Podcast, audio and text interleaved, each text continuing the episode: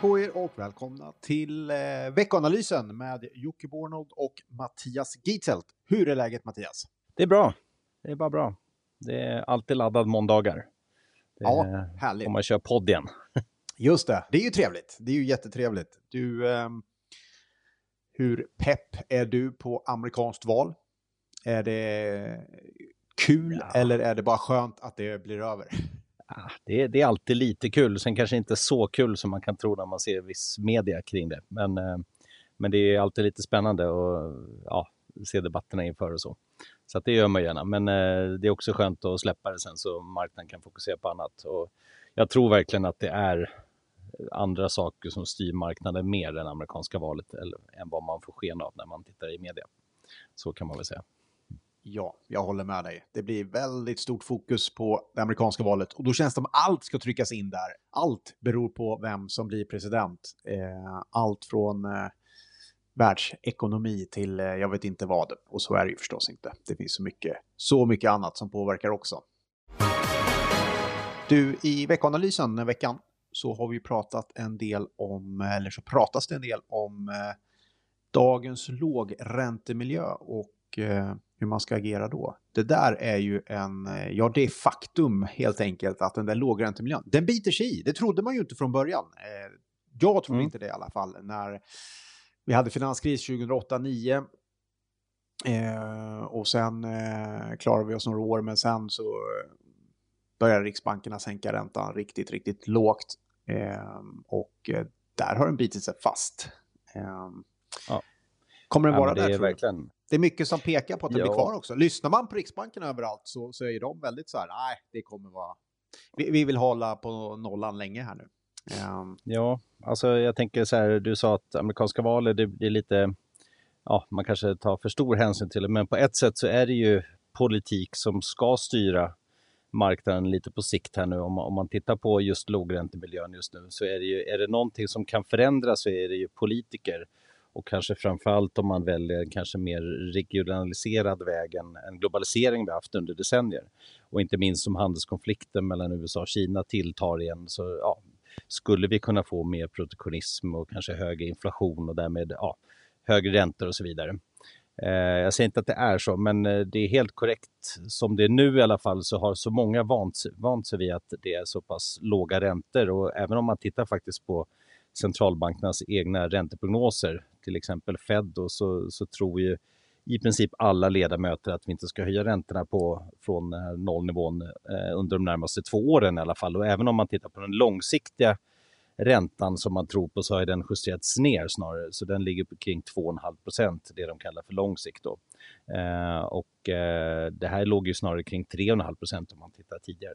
Så att allting Mm. talar väl för lägre räntor, men det finns ju några saker som är ett visst hot kan man säga för det. Till exempel då eh, att inflationen skulle tillta på grund av mer protektionism. Men det finns också andra saker. Vi har ju en del marknader som inte riktigt funkar som de ska, räntemarknaden och så vidare. Det kan, eh, vi kan få eh, ja, digitala valutor och centralbankerna som eh, kopplar samman eh, penningpolitiken med finanspolitiken. Det finns andra saker säkert som kan eh, överraska marknadsaktörerna framöver. Men just nu så, så finns det nog inget annat än, än väldigt låga räntor och kanske ja, negativa räntor under ett par år framöver i alla fall. Just det.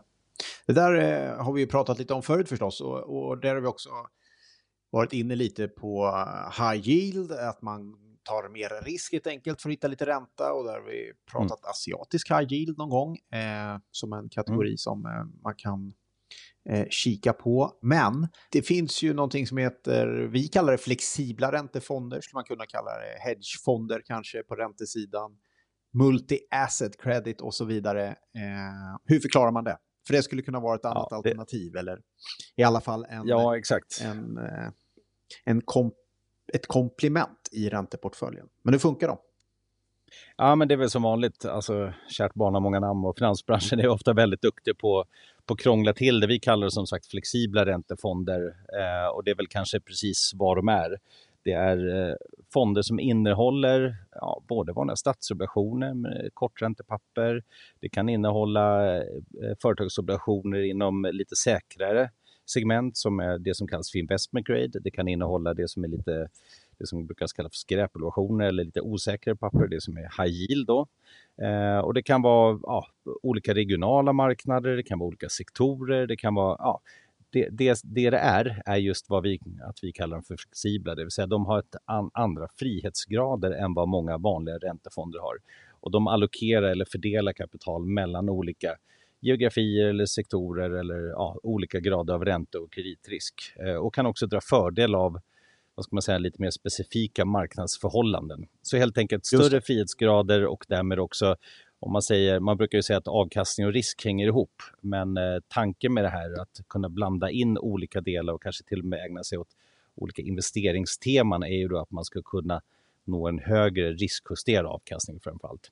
allt. om kanske framförallt när man inte slaviskt behöver förhålla sig till något jämförelseindex, för ofta är det ju så att om man förvaltar en en eh, obligationsfond så har man ett obligationsindex eller om man förvaltar en high yield-fond så har man ett high yield-index. Och i det här fallet så har man kanske lite mer ja, ett bredare index eller jobbar mer mot en, en målavkastning eller något och så kan man då ha större flexibilitet.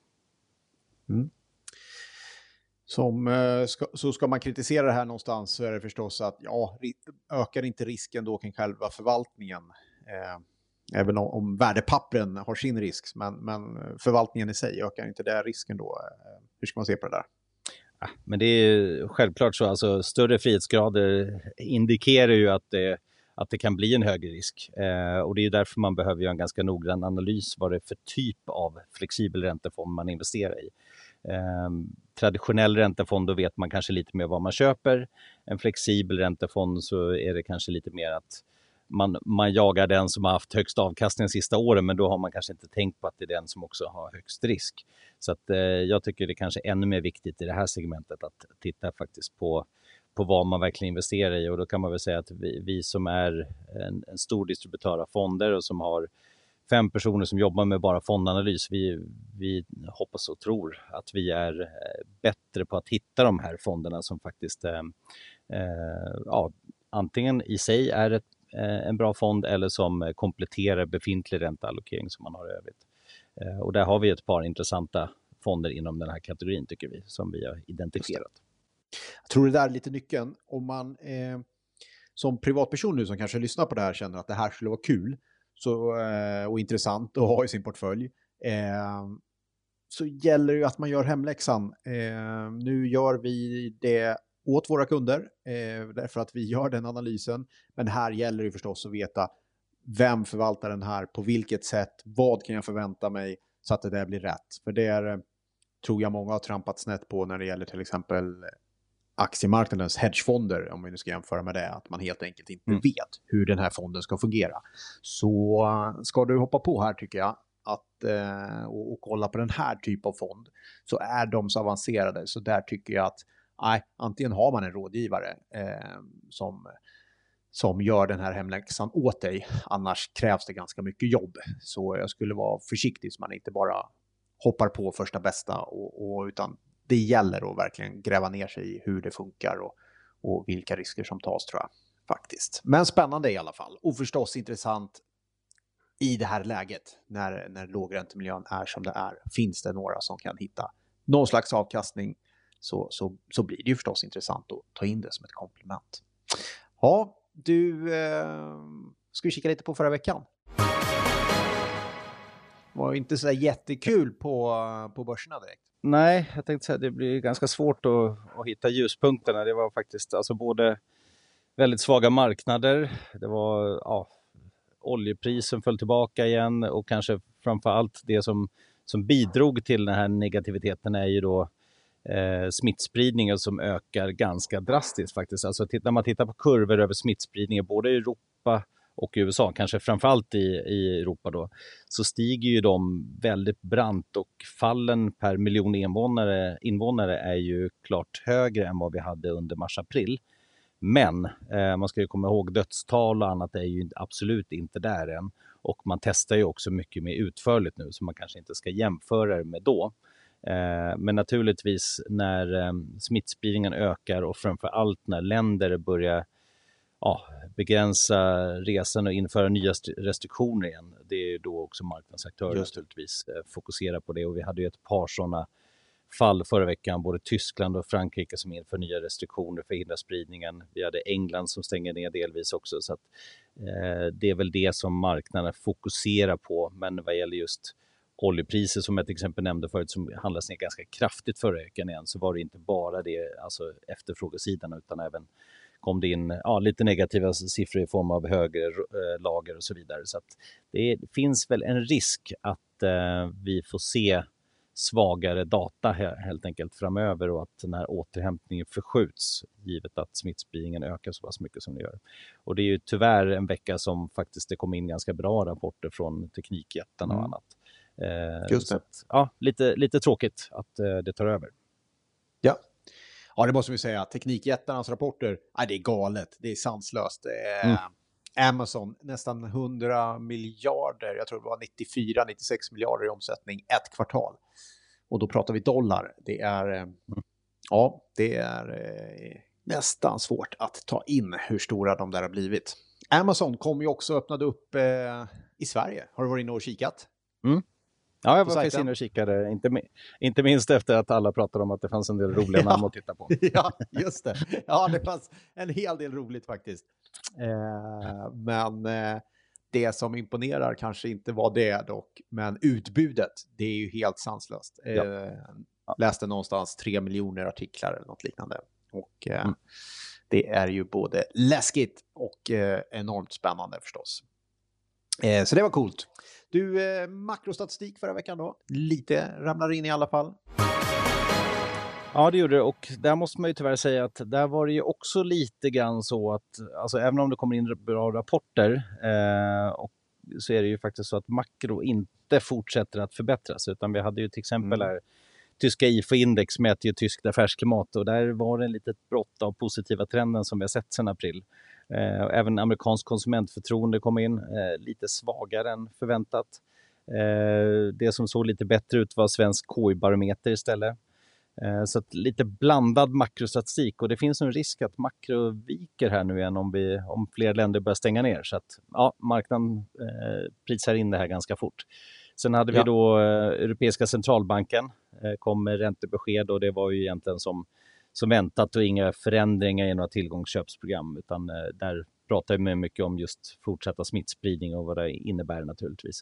Ehm, och sen så, ja, utökat eh, sån här pandemilättnadsprogram ska vi kalla det eh, i december. Att det kommer i december, det var redan väntat. Men eh, sen så nämnde de väl någonting som ja, kallar för rekalibrera alla instrument och där börjar man ju då självklart spekulera om det kan komma ännu mer stimulanser om det skulle vika och jag tror ju verkligen att man har blivit så pass beroende av stimulanser nu att vi, vi måste upprätthålla det under en, en ganska lång tid för att ja, helt enkelt förtroendet ska återvända för många, eh, både marknadsaktörer men även konsumenter och annat. Så att eh, mm. tyvärr så. Eh, sen ska det ju här någon gång då kanske betalas tillbaka. Det får vi se hur, hur den hur det ser ut framöver. Ja. Ja, tittar man den här veckan, nej det är förstås amerikanska valet. Allt fokus kommer eh, hamna där förstås. Och eh, jag fick en, en ganska bra analys, en ganska kul analys eh, på mejlen mm. här igår. Och då, eh, det finns ju egentligen eh, eh, var en matris kan man säga och så var det kongressen, republikansk eller demokratisk, president republikansk eller demokratisk. Och så var det fyra rutor då och så olika utfall och vad händer då om man får det här? Och eh, alla utfall blev exakt samma sak. Fed trycker mer pengar och eh, man fortsätter med krispaket. Det är väl lite roligt men det är också eh, det är kul för att det är sant. Man kommer ändå mm. hamna där någonstans. Eh, och mm. det krispaketet eh, kommer ju behövas klubbas igenom oavsett hur det ser ut i kongressen eller i Vita huset. Eh, ja. Och, ja, jag såg också och det, och det, det, det kommer ju bli av. Och det är det som kommer driva marknaden. Ja, så är det ju. Så att eh, det är väl där man får hålla fokuset och där lär väl fokuset också eh, hamna när dammet väl har lagt sig efter den här jättegrejen som det ändå är med ett amerikanskt presidentval. Mm. Är det något annat ja. som du tycker man ska hålla lite koll på där? Ja, men alltså vi pratade om det tidigare och återigen, vi tror väl egentligen att Alltså det som blir lite läskigt för marknaden är ju om det blir någon slags maktvakuum, att vi inte får ett tydligt utfall. Det är nästan värre än att det skulle bli en annan partifärg än väntad. Eh, och ja, därför fortsatt osäkerhet innan vi har valet på eller utfallet på plats. Så att vi har ju fortsatt, fortsatt ganska hög volatilitet på marknaderna och naturligtvis lite osäkerhet, inte minst nu när om man tittar några veckor tillbaka så var ju opinionsläget ganska säkert att det skulle bli Joe Biden. Nu har ju det där svängt lite grann senaste veckorna. Det blir kanske inte den promenadseger man har räknat med och då, då blir det naturligtvis också risk för det här ökade att det blir någon slags maktvakuum. Så att eh, bara vi får in utfallet och förhoppningsvis ganska tydligt så tror jag man kommer att fokusera på, på stimulanser snarare än något annat. Mm. Det är väl det man kan säga mer om valet.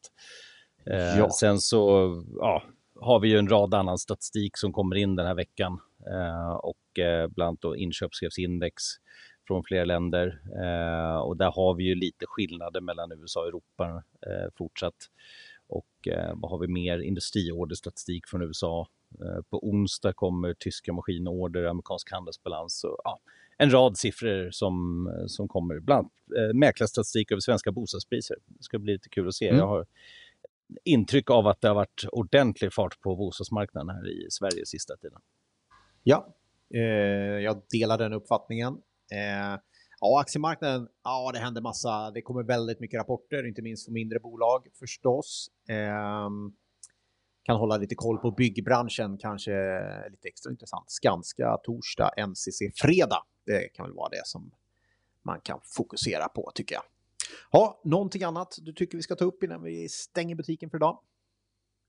Nej, alltså det som var lite intressant förra veckan, alltså aktiemarknaden föll ju ganska brett. Eh, det var väl i princip alla marknader ner en 4-5 procent nästan. Eh, och vi är nu också, om man tittar på världsindex, så är vi faktiskt både i dollar mätt och i kronor mätt så är vi nu på negativ nivå igen. Eh, det är väl intressant. Men det, det som eh, framförallt sticker ut är att räntemarknaden, där var det inte alls så stora rörelser faktiskt, utan vi har amerikanska långräntor, europeiska långräntor i princip på samma nivå. Så där har det faktiskt inte hänt så mycket, inte heller på kreditmarknaden. Så det var mest en aktiemarknads nedgång här under förra veckan. Eh, och sen så självklart som eh, vanligt när det blir fall på aktiemarknaden, vad händer då? Jo, eh, och det blir lite mer oroligt, ja då stiger ju dollarn också, så vi hade en förstärkning av dollarn förra veckan. Ehm, så det ja, gör ju att det blir en liten rekyl, framförallt mot svenska kronan igen som ju har eh, ja, stärkts relativt mycket under året hittills. Så mm. ja, det är väl ungefär de rörelserna och i övrigt så var det ju självklart som jag nämnde förut oljan, råvarumarknaden där det syntes som mest den här nedgången förutom aktiemarknaden. Det var nog det.